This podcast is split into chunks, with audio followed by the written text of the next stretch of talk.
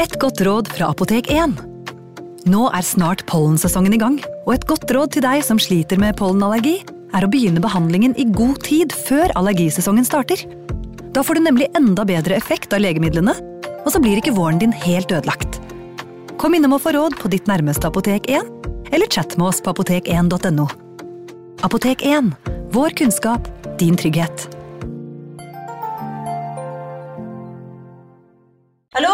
Jeg kommer fra Oslo politikammer.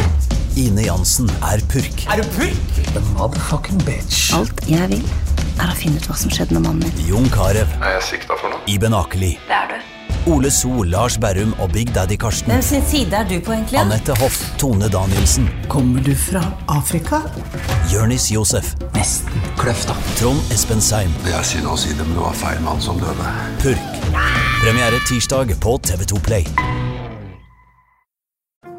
Ungsamtalen fra DNB er økonomisk veiledning tilpasset deg som er ung.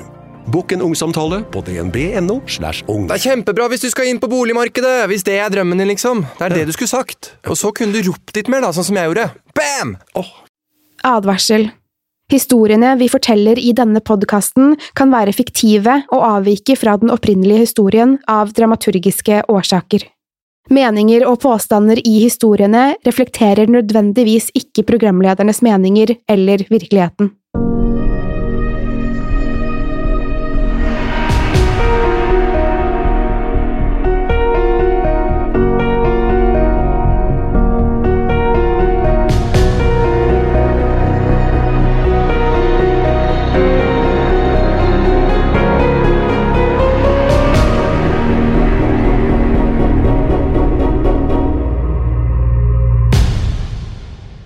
Hei, Jim Fosheim.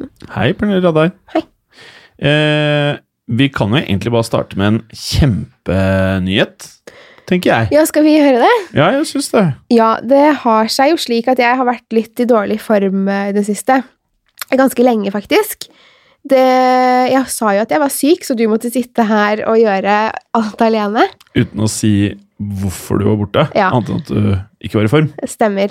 Men jeg har jo ikke vært syk i det hele tatt. Jeg har vært i dårlig form. Eh, Det er på grunn av at jeg er gravid. Jeg skal bli mamma i desember. Eh, Og det er kanskje ikke så lett for, for folk som ikke har vært gravide eller hatt svangerskapskvalme, å forstå, men det er jo som å ha omgangssyke i tre måneder. Man er i ganske dårlig form. Så, men nå er det over, og nå kan jeg på en måte si det til alle også, så det var derfor jeg var borte. Gratulerer, da. Jo, tusen takk. Og Bråten sitter her også. Du vil kanskje gratulere, du òg? Gratulerer. Tusen, tusen takk. Det er veldig hyggelig, og da kan man jo, hvis det skulle skje noe som gjør at du ikke kan være med i fremtiden, så vet lytterne med en gang hvorfor. Ja, så det er ikke for å være slem med dere, det er bare formen som ikke alltid vil være med på lag. Kjempehyggelig, og da regner jeg med at uh, Skrekkpodden er første stedet du annonserer når du har bestemt dere for navn. Eh, Det blir det. Veldig godt vite. Eh, siden sist så har vi fått inn eh, rekordmange forslag på Topics. Det har vi. Det har vært så morsomt å lese på Instagram og på mailen. Og så folk har vært så flinke til å sende linker også. Det var jo Ja, det du spesifikt om, så det er moro. Men det var en, eh, en, et forslag som jeg bet meg litt merke i, som jeg syntes var veldig morsomt. Jeg tror du så det, du òg? Ja, det var det som var Det var et sted i Norge, vet jeg. Det var et sted i Norge, og vi har jo eh, Sandnes store sønn er jo produsenten vår her i Skrekkpodden. Og det var noen som foreslo at vi skulle dra til Hva heter det, Håkon? Eh, sinnssykehuset på Dale. Ja. Eller mentalsykehuset på Dale. Åh. Og det ligger jo i Sandnes. Mm. Så det var en som foreslo at vi kunne ha med Bråten som, eh, som guide der. Men hva er dette Hvor heftig er det, liksom? da?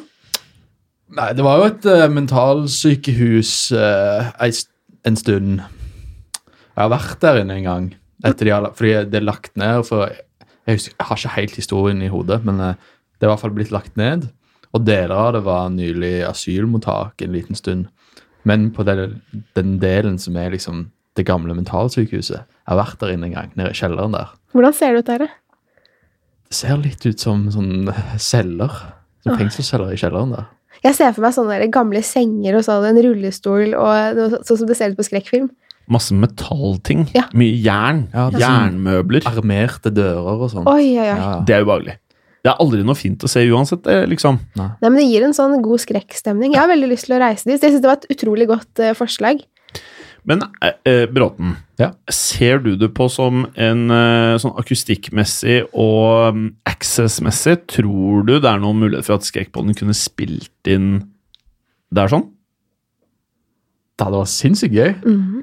Eh, litt usikker på access uh, possibilities. Men når de hører dialekten din, de sier jo ikke nei. Tar en telefon jeg, og sier 'hallo'. Hello. Vi kommer. Ja, men uh, jeg syns hvis det er mulig Dødskult, men da er det sånn at jeg nesten, hvis det er så creepy som det høres ut som, så burde vi både spille inn en episode om stedet, men også flere episoder for at vi skal sitte og være litt gufne når vi spiller det inn. Ja. Selv om det kanskje er litt dårlig lydkvalitet, så får man litt sånn skrekken i kroppen.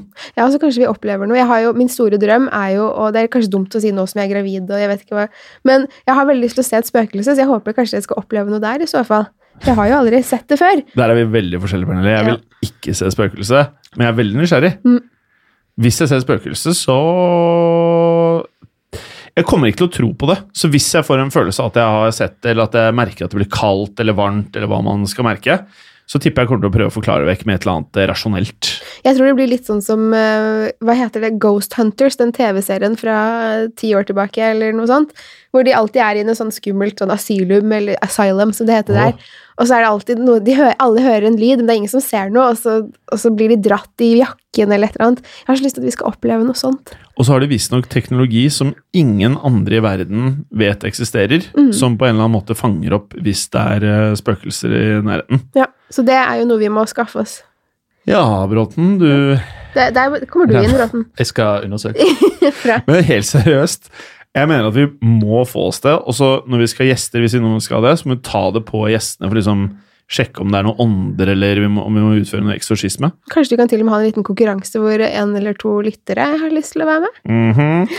Tenk om en av oss to trenger eh, eh, eksorsisme, da. Oi, ja, det er eh, Det får vi ikke håpe, for det gikk jo ikke så bra med hun Annelise. Nei, Nei, det gjorde det ikke. Spreche Deutsch am Exorcism. Men hvis i så fall tar vi det opp, Ja. så legger vi det ut som en episode. Ja, det Ja, ja. tenker jeg vi gjør. Veldig bra. Jeg, sti jeg stiller med, med utstyr. I dag eh, så er det jeg som skal ta en story. Ja. Ehm, denne her er popular eh, Er det man sier popular in demand? By popular demand vil man vel egentlig eh, si på, på uten, utenlandsk språk. Hvordan hadde du sagt det, Bråten? Denne har vært ønsket. Ja. Vel, ja, der løste du godt, ja. Det er derfor vi har det her. Um, og dette her er om uh, Jeff the Killer. Det er bra, Jim. Og Jeff the Killer Jeg hadde ikke hørt om det før vi fikk tipset. Du, du hadde jo selvfølgelig Du er jo uh, true crime og skrekkdronningen. Du hadde jo hørt om dette her. Ja. uh, men jeg ble overrasket over hvor visuelt uh, det er beskrevet. Mm. Og det er nesten skrevet som en film. Mhm. Det kunne vært en film, dette her. Og den går noe sånn som dette.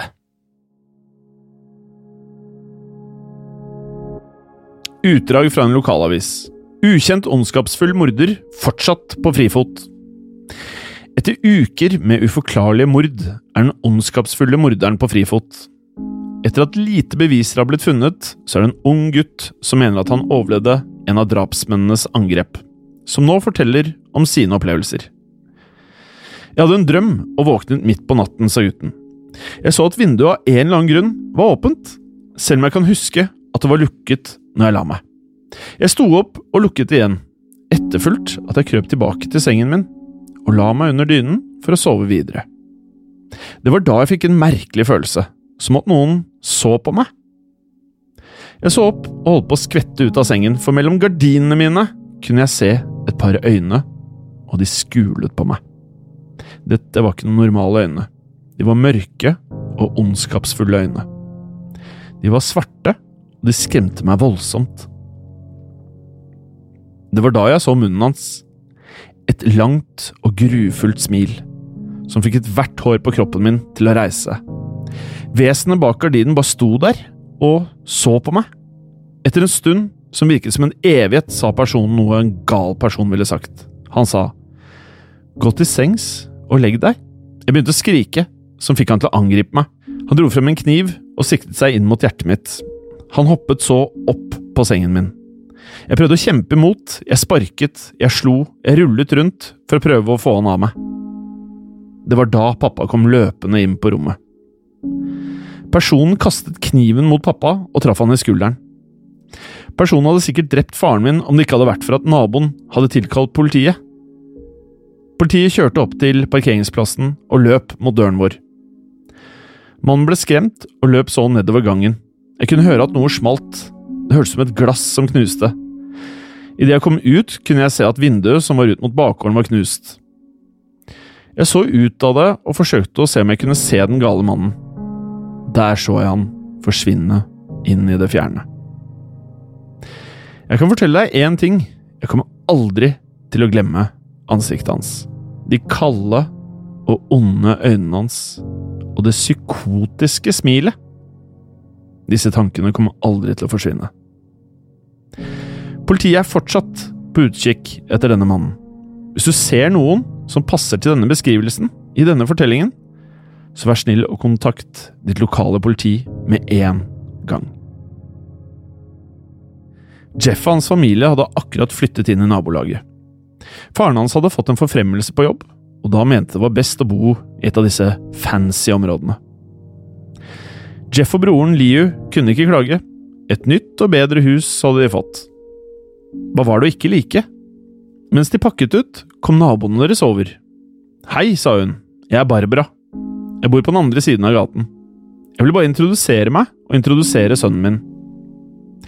Hun snudde seg så og kalte på sønnen sin. Billy, dette er våre nye naboer. Billy sa hei, men løp umiddelbart tilbake for å leke i hagen deres.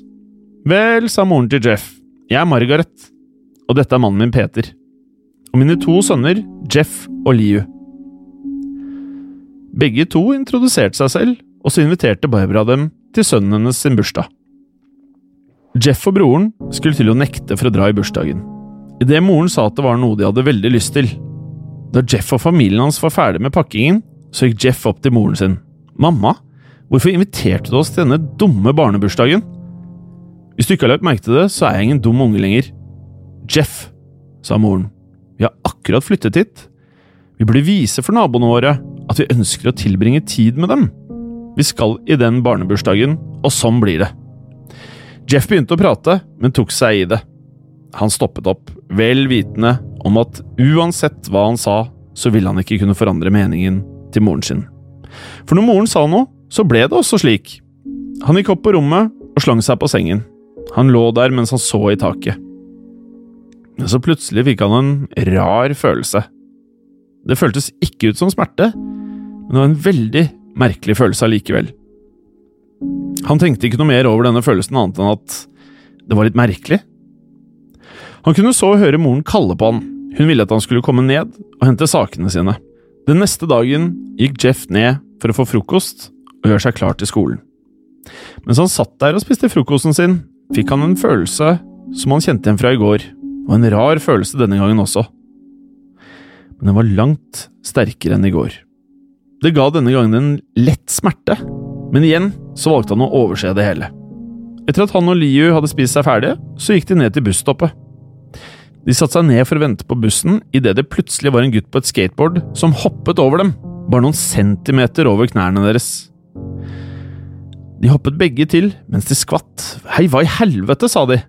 Gutten landet og vendte seg mot dem igjen. Han sparket opp skateboardet og tok det imot med hånden. Gutten så ut til å være rundt tolv år, som ville gjort han ett år yngre enn Jeff. Han hadde T-skjorte og revnende blå olabukse på seg. Vel, vel, vel. Det ser ut til å ha fått nytt kjøtt i nabolaget, sa han. Så dukket det plutselig opp to gutter til. Den ene var veldig tynn, mens den andre var kjempestor. Vel, siden dere er nye her, så ønsker jeg å introdusere oss. Der borte har du Keith, sa gutten. Jeff og Liu så bort på den tynne gutten. Han hadde et slapt ansikt, akkurat sånn man forventer av et typisk sidekick.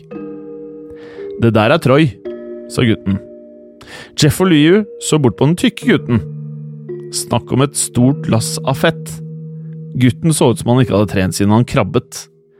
Og jeg, sa den første gutten, jeg er Randy. Så bare så det er sagt, så er det slik at for alle barn i det nabolaget her, så er det en bussavgift. Hvis du skjønner hva jeg mener, sa Randy. Liu reiste seg. Han var klar til å slå gluggene på øynene til gutten igjen. Idet en av guttene dro frem en kniv. Tst. Hei, jeg hadde håpet dere skulle være langt mer samarbeidsvillige. Det ser dessverre ut som om vi gjør dette på den vanskelige måten. Randy gikk opp mot Liu og tok lommeboken ut av lommen hans. Jeff fikk plutselig den følelsen han hadde følt de siste par dagene nå.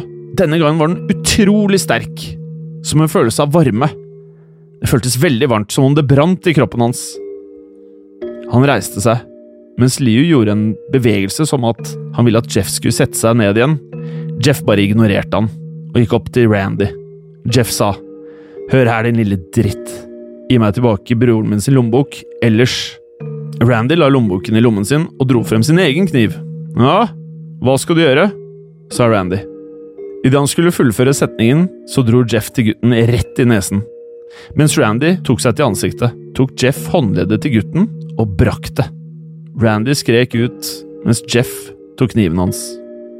Troy og Keith løp mot Jeff, men Jeff var altfor rask. Han kastet Randy mot bakken. Så slo Keith mot Jeff. Men Jeff, han dukket, og så stakk han Keith i armen med kniven. Keith slapp kniven sin og falt mot bakken mens han skrek ut. Troy løp mot Jeff, han også. Men Jeff trengte ikke engang kniven. Han bare slo Troy i magen, og ned gikk han. Mens han falt, så spøy han. Liu kunne ikke annet enn å se på Jeff i ren forbauselse. Jeff, hvordan kunne du? var alt broren klarte å si. De så bussen komme og visste at de ville bli beskyldt for alt sammen. Derfor løp de alt de kunne. Mens de løp, så de tilbake og kunne se at bussjåføren for til Randi og de andre. Når Jeff og Liu hadde kommet seg til skolen, turte de ikke å si noe til noen. Alt de gjorde, var å sitte og høre på det læreren hadde å si. Liu så på det hele som at Jeff hadde banket opp de andre. Men Jeff, han visste at dette var noe mer. Dette var noe skummelt. Når han fikk den følelsen han fikk, kunne han føle hvor sterk denne følelsen var, hvor kraftfull den var. Det var som en lyst til å skade andre mennesker. Han likte ikke tanken, men han kunne ikke gjøre annet enn å føle seg glad for det som hadde skjedd. Han følte den merkelige følelsen gå vekk, og den ble borte resten av skoledagen. Selv når han gikk hjemover forbi busstoppet, og tanken på at han nok ikke kunne ta bussen fremover, følte han seg bare glad. Når han kom hjem, spurte foreldrene hans om hvordan dagen hadde vært. Han svarte med en ganske ondskapsfull stemme. Det har vært en vidunderlig dag. Neste morgen hørte han at det banket på ytterdøren. Han gikk ned for å se hvem det var, og der sto det to politimenn i døren. Idet moren snudde seg og så på han med et stygt blikk. Jeff, disse politimennene sier at du angrep tre barn, og at det ikke var vanlig slåssing, at de ble stukket. De ble stukket! Jeff sitt blikk gikk mot gulvet, som beviste for moren at det hele var sant. Mamma, det var de som dro kniver. De dro det mot oss, både meg og Liu. Gutt, sa politimennene. Vi fant tre barn. To var knivstukket, og en hadde merker ved magen. Og vi har vitner som forteller oss at dere rømte fra området. Hva tror du det forteller oss? Jeff visste det ikke var til noen nytte. Det var ingenting han kunne si som kunne hjelpe. Det hjalp ikke å si at han og Liu var de som hadde blitt angrepet. Det var heller ingen bevis som ville backe opp det han sa. Han kunne heller ikke si at de ikke flyktet fra området, for det gjorde de jo faktisk. Så Jeff følte ikke at han kunne forsvare seg selv eller Liu. Gutt, ro på broren din. Jeg kunne ikke gjøre det ettersom det var jeg som faktisk hadde banket opp de barna. Det var meg, sa Jeff. Det var jeg som banket opp de barna. Liu prøvde å holde meg igjen, men han klarte ikke å stoppe meg. Den ene politimannen så på den andre, og de nikket. Vel, gutt, det ser ut som det blir ungdomsfengsel på deg. Vent, sa Liu. De kunne se at han holdt en kniv. Politimennene tok frem pistolene sine og siktet mot Liu. Det var meg! Jeg banket opp de små drittungene. Jeg har merker til å bevise det. Han løftet opp ermet og kunne vise kutt og blåmerker. som om han hadde vært i en stor slåsskamp. Gutt, legg fra deg kniven, sa politimannen. Liu holdt kniven opp, men slapp den i gulvet. Han rakk hendene rett i været og gikk bort til politimennene. Nei, Liu, det var meg, jeg gjorde det! Jeff hadde tårer som rant nedover ansiktet hans. Hæ? Stakkars bror, han prøver å ta støyten for det jeg har gjort, ta meg! Det nyttet ikke. Politiet førte Liu til politibilen. Liu, si at det var meg, bare si det! Det var jeg som banket opp barna. Moren til Jeff la hendene sine på skulderen hans. Jeff, vær så snill, du trenger ikke å lyve. Vi vet det var Liu. Du kan bare stoppe. Jeff så hjelpeløst på at politibilen kjørte av gårde med Liu. Bare noen minutter senere så kjørte faren til Jeff bilen sin opp oppkjørselen. Faren så på Jeff sitt ansikt at her var det noe galt. Sønnen min, hva er det som er galt? Jeff kunne ikke svare. Stemmen hans var helt kvalt all gråtingen. I stedet kom moren for å følge faren inn, slik at hun kunne dele de dårlige nyhetene med han, mens Jeff sto igjen i oppkjørselen og gråt. Etter en time så gikk Jeff tilbake inn i huset. Han så at begge foreldrene var sjokkerte, triste og skuffet. Han kunne ikke se på dem. At de trodde at det var Liu som hadde gjort dette. Når det var hans skyld. Han gikk og la seg, mens han prøvde å glemme det hele. To dager hadde gått uten at han hadde hørt fra Liu. Han hadde ingen venner å henge med heller. Det eneste han hadde, var tristheten og følelsen av skyld. Det vil si, helt frem til lørdag. Når Jeff ble vekket av moren, med en glad og fornøyd mine i ansiktet. Jeff, det er dagen, sa hun. Hun åpnet gardinene og lot lyset inn i rommet. Hva er det i dag? spurte Jeff. Det er jo Billy sin bursdagsfest. Han var nå lys våken. Mamma, tuller du? Du forventer ikke at jeg skal dra på en dum barnebursdag etter alt som har skjedd? Jeff, vi vet begge hva som skjedde. Jeg tror dette kan være det hyggeligste som har skjedd oss på flere dager. Kom igjen, få på deg klærne. Moren til Jeff gikk ut av rommet og ned trappene for å gjøre seg klar. Han måtte kjempe for å komme seg opp. Han valgte ut en tilfeldig skjorte og et par jeans, for så å gå ned trappene. Han så moren og faren sin, som hadde fått på seg fine klær. Moren hans var i kjole, og faren sto i full dress. Han tenkte hvorfor har du på seg så fine klær til en barnebursdag? Sønn, er det alt du skal ha på deg, sa moren.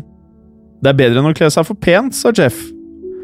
Moren klarte å dy seg fra kjeftepannen, og i stedet så bare smilte hun. Jeff, det kan tenkes at vi har på oss for fine klær, men dette er for å vise deg hvordan man kler seg når man ønsker et godt inntrykk, sa faren. Jeff gikk så opp på rommet sitt igjen. Jeg har ingen flotte klær, skrek han. Bare ta på deg noe, skrek moren tilbake. Han kikket seg rundt etter noe som kunne være pent. Han fant en sort dressbukse. Han fant ikke en passende skjorte, det eneste han fant var en stripete sak, men så til slutt fant han en hvit skjorte, og den tok han på. Skal du ha på deg det der? sa foreldrene. Hun så på klokken og skjønte at det ikke var noe tid å miste. La oss gå, sa hun, mens hun dyttet Jeff og faren ut av døren. De krysset gaten og for over til Barbara og Billy sitt hus. De banket på døren, og det som så ut til at Barbara, akkurat som foreldrene, var kledd altfor fint for anledningen. Når han kom inn døren, så kunne han kun se voksne. Det var ingen barn der. Barna er ute i hagen. Jeff, hva med at du går ut du også, så kan du møte de andre, sa Barbara. Jeff gikk ut i hagen, som var full av barn. De løp rundt i rare cowboyklær og skjøt hverandre med plastikkpistoler. Han kunne like gjerne stått midt i en leketøysbutikk. Med ett kom det en gutt bort til han og ga han en lekepistol og en hatt. Hei, har du lyst til å leke? sa gutten. eh, nei, jeg er for gammel for dette. Gutten så på Jeff med et valpeansikt. Vær så snill, sa gutten. Ok, da, sa Jeff. Han tok på seg hatten og lot som han skjøt på de andre barna. Til å begynne med så syntes han det hele var latterlig, men så begynte han å ha det gøy. Det var kanskje ikke kult, men det var første gang han gjorde noe siden Leo hadde blitt låst inn, som han faktisk syntes var gøy. Så han lekte med barna en stund, frem til han hørte en lyd. En rar, rullende lyd. Så slo det han. Randy, Troy og Keith hoppet over gjerdet på skateboardene sine. Jeff la fra seg lekepistolen og dro av seg hatten. Randy så bort på Jeff med hat i øynene. Hei, var det Jeff du het? sa Randy. Vi har noe ugjort mellom oss, vi. Jeff kunne se merkene på nesen hans idet han sa jeg mener vi er helt skuls. Jeg banket dritten ut av dere sist, og dere fikk broren min sendt til ungdomsfengsel. Randy fikk et sint blikk i øynene. Å nei, du, jeg nøyer meg ikke med at vi er skuls, jeg går for å vinne. Du banket oss kanskje her om dagen, men ikke i dag. Mens han fullførte setningen, løp Randy mot Jeff. De falt begge i bakken. Randy klinte til Jeff rett i nesen. Mens Jeff tok tak i ørene til Randy og delte ut en real springskalle. Jeff dyttet Randy av han, for så at begge reiste seg. De andre barna skrek mens foreldrene løp ut av huset. Troy og Keith dro begge frem pistoler. Ingen blander seg inn. Hvis ikke ville sprute innvoller, sa de. Randy dro så frem en kniv og stakk den rett i skulderen til Jeff. Jeff skrek mens han falt ned på knærne. Randy startet å sparke Jeff i ansiktet men etter tre spark tar Jeff tak i foten hans og vrir den alt han kan, som får Randy til å falle i bakken. Jeff reiste seg og gikk mot døren, men Troy tok han igjen og tok tak i klærne hans. Trenger du noe? sa Troy, mens han løfter Jeff opp etter kragen og kaster Jeff rett igjennom terrassedøren. Mens Jeff prøver å reise seg, blir han sparket ned i bakken igjen. Randy sparker Jeff så mange ganger at han til slutt begynner å hoste opp blod. Kom igjen, Jeff. Slåss med meg, da, du som er så tøff.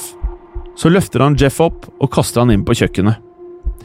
Randy ser en flaske vodka på benken, tar tak i den og slår Jeff rett i hodet. Slåss! sa Randy. Randy kaster Jeff inn i stuen. Kom igjen, Jeff. Se på meg. Jeff ser opp. Ansiktet hans er fylt med blod. Det var jeg som fikk broren din sendt til ungdomsfengsel. Og nå sitter du her og venter på at han skal råtne der et helt år. Du burde skamme deg. Jeff reiser seg sakte. Og se her! Endelig så tør du å slåss. Jeff er nå på føttene med blod og vodka innsmurt i ansiktet. Igjen får han den rare følelsen. Den han ikke har følt på en stund. Endelig er han oppe, roper Randy mens han løper mot Jeff. Det er da det skjer. Noe Jeff klikker. Psyken hans endrer seg, all rasjonell tenkning er borte. Alt han ønsker å gjøre, er å drepe. Han tar tak i Randy og haugkjører han rett i bakken. Han setter seg oppå han og slår han rett i hjertet. Slaget var så hardt at hjertet til Randy stopper. Mens Randy gisper etter luft, slår Jeff hemningsløst på Randy. Slag etter slag, og blodet renner ut av kroppen til Randy. Til han trekker luft en siste gang før han dør. Alle ser på Jeff nå. Foreldre, de gråtende barna, til og med Troy og Keith. Men det går raskt til de sikter pistolene mot Jeff. Og Jeff reagerer med å løpe mot trappene. Mens han løper opp trappene, kan han høre Troy og Keith rett bak seg. De skyter etter Jeff idet han dukker og kommer seg inn på badet. Han river av en håndkleholder fra veggen så kommer Troy og Keith løpende inn med kniver i hendene. Troy prøver å stikke Jeff, som klarer å komme seg unna etterfulgt at han planter håndkleholderen i ansiktet på Troy. Troy faller så hardt i bakken. Keith dukker idet Jeff prøver å treffe han også. Keith kaster fra seg kniven og tar tak i Jeff etter nakken og dytter han inn mot veggen. Med det samme faller det ned en kanne blekemiddel fra hyllen over dem, som de begge får i øynene, og de skriker. Jeff prøver så godt han kan å tørke vekk middelet fra øynene sine, han dro så frem håndkleholderen og kjører den rett i hodet på Keith. Mens Keith lå på bakken og blødde ut, lirket han frem noe så rart som et ondt smil. Jeff spurte hva er det som er så morsomt? Keith dro så frem en lighter og tente den. Det som er morsomt, sa Keith, er at du er dekket i alkohol og blod. Med ett utvidet øynene til Jeff seg. Så kastet Keith lighteren på han. Med det samme lighteren fikk kontakt med Jeff, tente det alkoholen i vodkaen. Mens alkoholen brente han, så etset blekemiddelet huden hans. Jeff jamret ut idet han tok fyr. Han prøvde å rulle rundt for å få kontroll på flammene, men det var ikke til noe nytte. Alkoholen gjorde han til en vandrende inferno. Han løp nedover gangen og falt ned trappene. Så begynte alle å skrike idet de så Jeff, som nå falt om på gulvet, nesten død. Det siste Jeff så, var moren og de andre foreldrene som prøvde å slukke flammene. Men så besvimte han. Når Jeff våknet igjen, så hadde han bandasje rundt ansiktet sitt. Han kunne ikke se noe, men han følte bandasje også på skuldrene sine, og med sting over hele kroppen. Han prøvde å reise seg, men skjønte raskt at det var noe som stakk inn i armen hans. Det var en tube, som ble revet ut, og da kom sykepleieren løpende i all hast. Jeg tror ikke du skal reise deg helt ennå, sa hun, mens hun la han tilbake i sengen og stakk tuben tilbake i armen. Jeff ble liggende uten syn og ingen idé om hvordan omgivelsene hans var. Til slutt, etter flere timer, kunne han høre moren. Kjære deg, har du det bra? spurte hun. Jeff kunne ikke svare, ettersom ansiktet var helt tildekket. Kjære deg, vi har noen fantastiske nyheter! Ettersom alle vitnene fortalte politiet hva som hadde hendt, så valgte politiet å slippe ut Liu. Dette fikk Jeff til å reise men stoppet halvveis for å ikke igjen rive ut tuben som stakk ut av armen hans. Han kommer ut i morgen, og dere vil da kunne henge sammen igjen. Moren til Jeff gir han en klem og sier ha det. De neste ukene fikk Jeff besøk av familien sin, igjen og igjen. Så kom dagen når bandasjene skulle tas av. Familien hans var til stede for å følge med på alt, og se hvordan han så ut.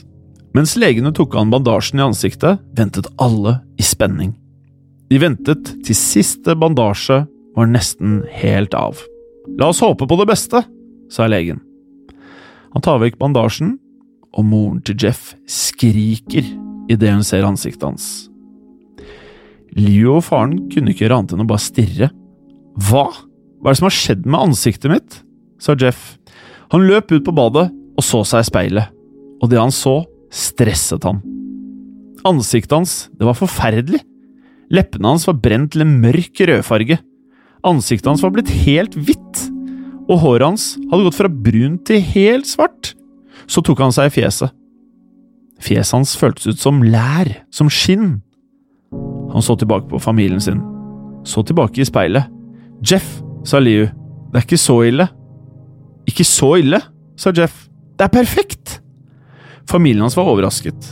Jeff begynte å le helt ukontrollert. Foreldrene la også merke til at venstre øye og hånd begynte å riste. eh, Jeff, har du det bra? Jeg har aldri følt meg bedre. Haha, se på meg! Dette ansiktet passer meg perfekt! Og han klarte ikke å slutte å le. Han tok seg til ansiktet og kjente på det igjen. Så på det i speilet. Hva forårsaket dette? Vel, du husker at Jeff sloss med Randy? Så var det noe i hodet hans som klikket. Nå føler han seg som en gal drapsmaskin. Men det vet ikke foreldrene, da. Lege, sa moren, er sønnen min ok? Altså ok i hodet? Ja da, oppførselen hans er typisk for pasienter som har tatt mye smertestillende. Hvis han ikke forandrer seg i løpet av noen uker, så kom gjerne tilbake, så skal vi ha noen tester. Takk, sa moren til Jeff. Jeff, kjære deg, det er på tide å dra, sa hun. Jeff så vekk fra speilet, ansiktet hans formet som et ekkelt smil. Ok, mamma. Ha. Moren hans tok tak i skulderen hans og førte han tilbake til klærne hans. Dette er klærne hans, sa damen i resepsjonen. Moren til Jeff så på den svarte dressbuksen og en hvit skjorte som sønnen hadde hatt på seg. Nå var de rene for blod og sydd sammen. Moren til Jeff fikk han til å ta på seg klærne. Så forlot de sykehuset, uten å være vitende om at dette ville være deres siste dag i livet. Senere den kvelden våknet moren til Jeff av en lyd på badet. Det hørtes ut som noen gråt, eller hulket. Hun gikk sakte inn for å se hva dette var for noe. Når hun så så inn på badet, så hun noe grusomt. Det var helt forferdelig. Jeff hadde nemlig tatt en kniv og skjært et smil i ansiktet sitt. Jeff, hva er det du holder på med? spurte moren. Jeff så på moren sin. Jeg kunne ikke smile hele tiden, jeg. Det gjorde vondt etter en stund, så nå kan jeg smile for alltid. Moren til Jeff la merke til øynene hans. Han hadde en sort ring rundt øynene sine. Jeff, øh, øynene dine Øynene hans så aldri ut til å lukke seg. Jeff sa, Jeg kunne ikke se øynene mine. Jeg ble lei av at øynene mine lukket seg. Jeg brente derfor av øyelokkene, slik at jeg kunne se meg for alltid. Mitt nye ansikt. Moren til Jeff gikk sakte bakover. Hun forsto nå at sønnen hennes hadde gått helt fra forstanden. Hva er galt, mamma? Er jeg ikke pen?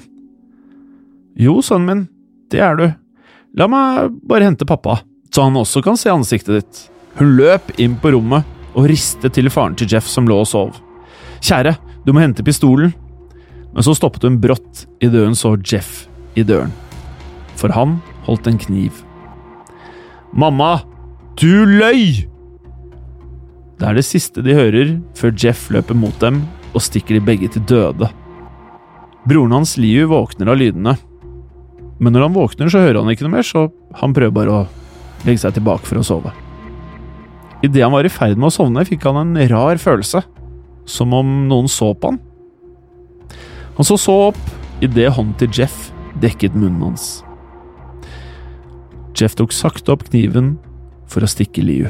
Liu prøvde alt han kunne for å komme seg løs fra grepet til Jeff. Hysj, sa Jeff. Liu, nå kan du endelig sove.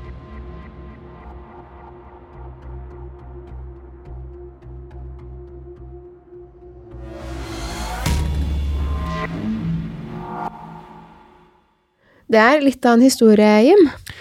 Ja, den er ganske grov. Ja, den er veldig brutal også, for det er jo sånn selvmutilering på et helt annet nivå. Og så er det barn. Ja, det er det.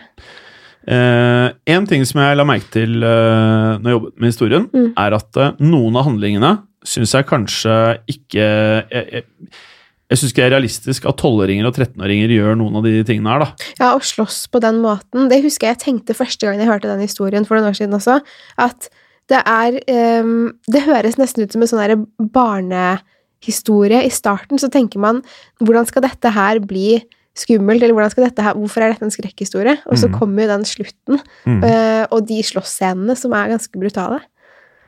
Og så er det noe med starten og slutten er veldig like. Så når jeg var ferdig med den, det er første gang jeg leser slash uh, prater om den, så var det sånn at øh, jeg da lurte på Er det sånn at det første personen som da dør, er det Starter det da med at det er broren som sier det, eller er det to forskjellige hendelser? Jeg vet ikke, Har du noen tolkning av det? Nei, det har jeg faktisk ikke noe tolkning på. Kanskje lytterne har noe å komme med. Dere pleier å være veldig flinke til å, til å komme med um, Hva heter det? Tolkning. Tolkninger og også eh, referanser til forumer som folk eh, Mhm. vanker på. og mm. Og hva de tenker selv om hva som kan ha skjedd. Så er, eh, kanskje vi kan få noen innspill fra lytterne der. Mm. For jeg, jeg tolker det bitte lite grann som at det, er, eh, det starter med slutten, Mm. men samtidig så er den litt annerledes. Så ja, Men uh, DM oss, skriv til oss på mail også. Jeg er faktisk veldig interessert i å vite, og så kan vi dele det i episoden etter hvis vi får noen eh, smarte innspill. Men vi kan i alle fall legge ut bilde av Jeff the Killer på Instagram, så kan folk se hvordan han ser ut. Men det er mange forskjellige bilder av Jeff eh, the Killer. Ja, jeg måtte, måtte google litt her i sted, bare for å huske hvordan han så ut. For jeg husker at han er veldig blek og har et, et veldig stort smil, men jeg hadde glemt disse trill runde øynene hans. Men du vet, eh, eh, sånn jeg tolket det, så er det sånn at når han skjærer et smil i ansiktet sitt, så tolker jeg det som at han skjærer fra munnvikene utover, sånn at Ja. han forlenger smilet som Joker i Batman, på en måte. Ja, det heter Glasgow Smile på, Ja. på ordentlig. Jeg har det studert er fire år i Glasgow, så jeg har faktisk sett folk med, folk med Glasgow Smile. Ja, det er, helt, det er han skuespilleren fra hva heter det, Sons of Anarchy, blant mm. annet. Han har jo dessverre fått Nå har han jo arr, da. mm. Så han har jo ikke et, et åpent sår, men det er ganske farlig, det. Og så sånn eh, de gjorde, i hvert fall som vi fikk fortalt av skottene, så er det sånn at eh, de ble de snittet på hver side av munnen, Mm. og så slo de folk hardt i magen helt til de måtte skrike, og så revnet de ansiktet, da. Mm. Det er jo livsfarlig. Mm. Det, er jo, det ble jo gjort eh, på um, The Black Dahlia. I, det var vel i 1947 i Los Angeles. Et mord jeg har hatt om i, i True Crime Poden. Uh, hun ble jo funnet uh, også stykket opp, da, men hun hadde et Glasgow smile. Uh, uoptimalt. Det er det. Eh, så har du da uh, The Newcastle Kiss, eller hva det er for noe. Det må du fortelle om, det vet ikke jeg. Ja, det er ikke like eh, spennende. Det er bare å få kjørt et svært ølglass rett i munnen. Og da Det brutale greier. sprekker det, og så blir hele ansiktet mutilert, holdt jeg på å si. da. det mister du mye kjøtt i ansiktet. Ja, det vil jeg tro. Og så går det vel inn og ut av munnen et par ganger. Ja. Mm. ja men nå syns jeg vi har fått nevnt mye, mye bra. Jeg håper Mm. ingen spiser frokost eller middag. Ja, eller eh, kanskje det er fint hvis man spiser frokost eller middag, så får man testa seg litt. Eh, bare for å minne folk på det, Pernille, så er det en bitte liten endring i tidene. Det eneste forandringen er at istedenfor at den kommer tirsdag kveld, så legges den ut til publikasjon midt på natten natt til onsdag. Sånn at den er klar til folk skal på jobb og på skolen onsdag morgen. Ja. Så det er liksom den nye, den nye skrekkpod-dagen. Det er onsdager fra nå av. Mm. Så da trenger, eh, da trenger man ikke å lure på hva som skjer på tirsdager. Stay tuned, og send oss eh, som alltid enda flere innspill på mulige episoder og temaer og steder og alt mulig. Mm. På Instagram, som er Skrikpodden, og Facebook, som er Skrikpodden. Ikke, du vil helst ikke ha på Facebook? Nå må jeg riste på hodet til deg. Ja. Ja, ok. Ikke på, ikke på Facebook, men på mail, da. Gjerne på mail. Alfakrøllmodernemedia.no. Yes, Hva sier vi på slutten av episoden?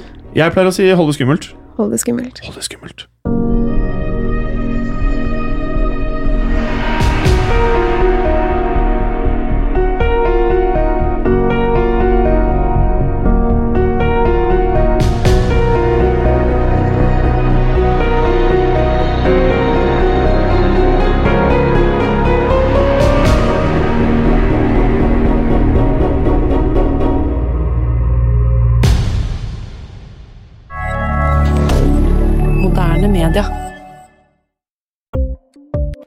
Ukens annonsør er Folio, en smartere banktjeneste for deg som har en egen bedrift eller ønsker å starte for deg selv. Folio er en superenkel nettbank for bedrifter. Som kunde i Folio får du en bedriftskonto med et bedriftskort og app. I denne appen er det smarte løsninger som forenkler regnskapet ditt, uansett om du har en liten bedrift eller et enkeltpersonsforetak. Folio er både intuitivt og brukervennlig, og er laget med et enkelt språk. I tillegg tilbyr de forutsigbare priser og ingen skjulte gebyrer. Skulle du likevel trenge det, så kan du snakke med deres raske og hyggelige kundeservice, og der får du prate med en faktisk person og ikke en chatbot. Folio er med andre ord både enklere og koseligere enn banken. Over 10 000 bedrifter har allerede valgt Folio som sin banktjeneste, så besøk folio.no og se hvordan Folio kan forenkle din hverdag også. Har du et enkeltpersonforetak eller en liten bedrift? Da er du sikkert lei av å høre meg snakke om hvor enkelt det er med kvitteringer og bilag i fiken, så vi eh, gir oss her, vi. Fordi vi liker enkelt. Fiken superenkelt regnskap. Kiwi er billigst i VGs matbørs og har vært billigst i fire av de fem siste VGs matbørser. Og nå presser vi prisene på frukt og grønnsaker. På 200 gram broccolini setter vi prisen til 24,90. På 400 gram Cevita blåbær setter vi prisen til 49,90. Og husk, alle Kiwi Pluss-kunder får i tillegg 15% trumfbonus på all fersk frukt og grønt. For det er vi som er prispresserne. Og vi i Kiwi gir oss aldri på pris.